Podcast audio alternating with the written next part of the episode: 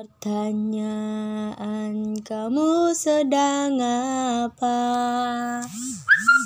Terkesan hanya sebuah formalitas saja Coba tanyakan lagi pada hatimu Apakah sebaiknya kita putus atau terus Kita sedang mempertahankan hubungan Atau hanya sekadar menunda perpisahan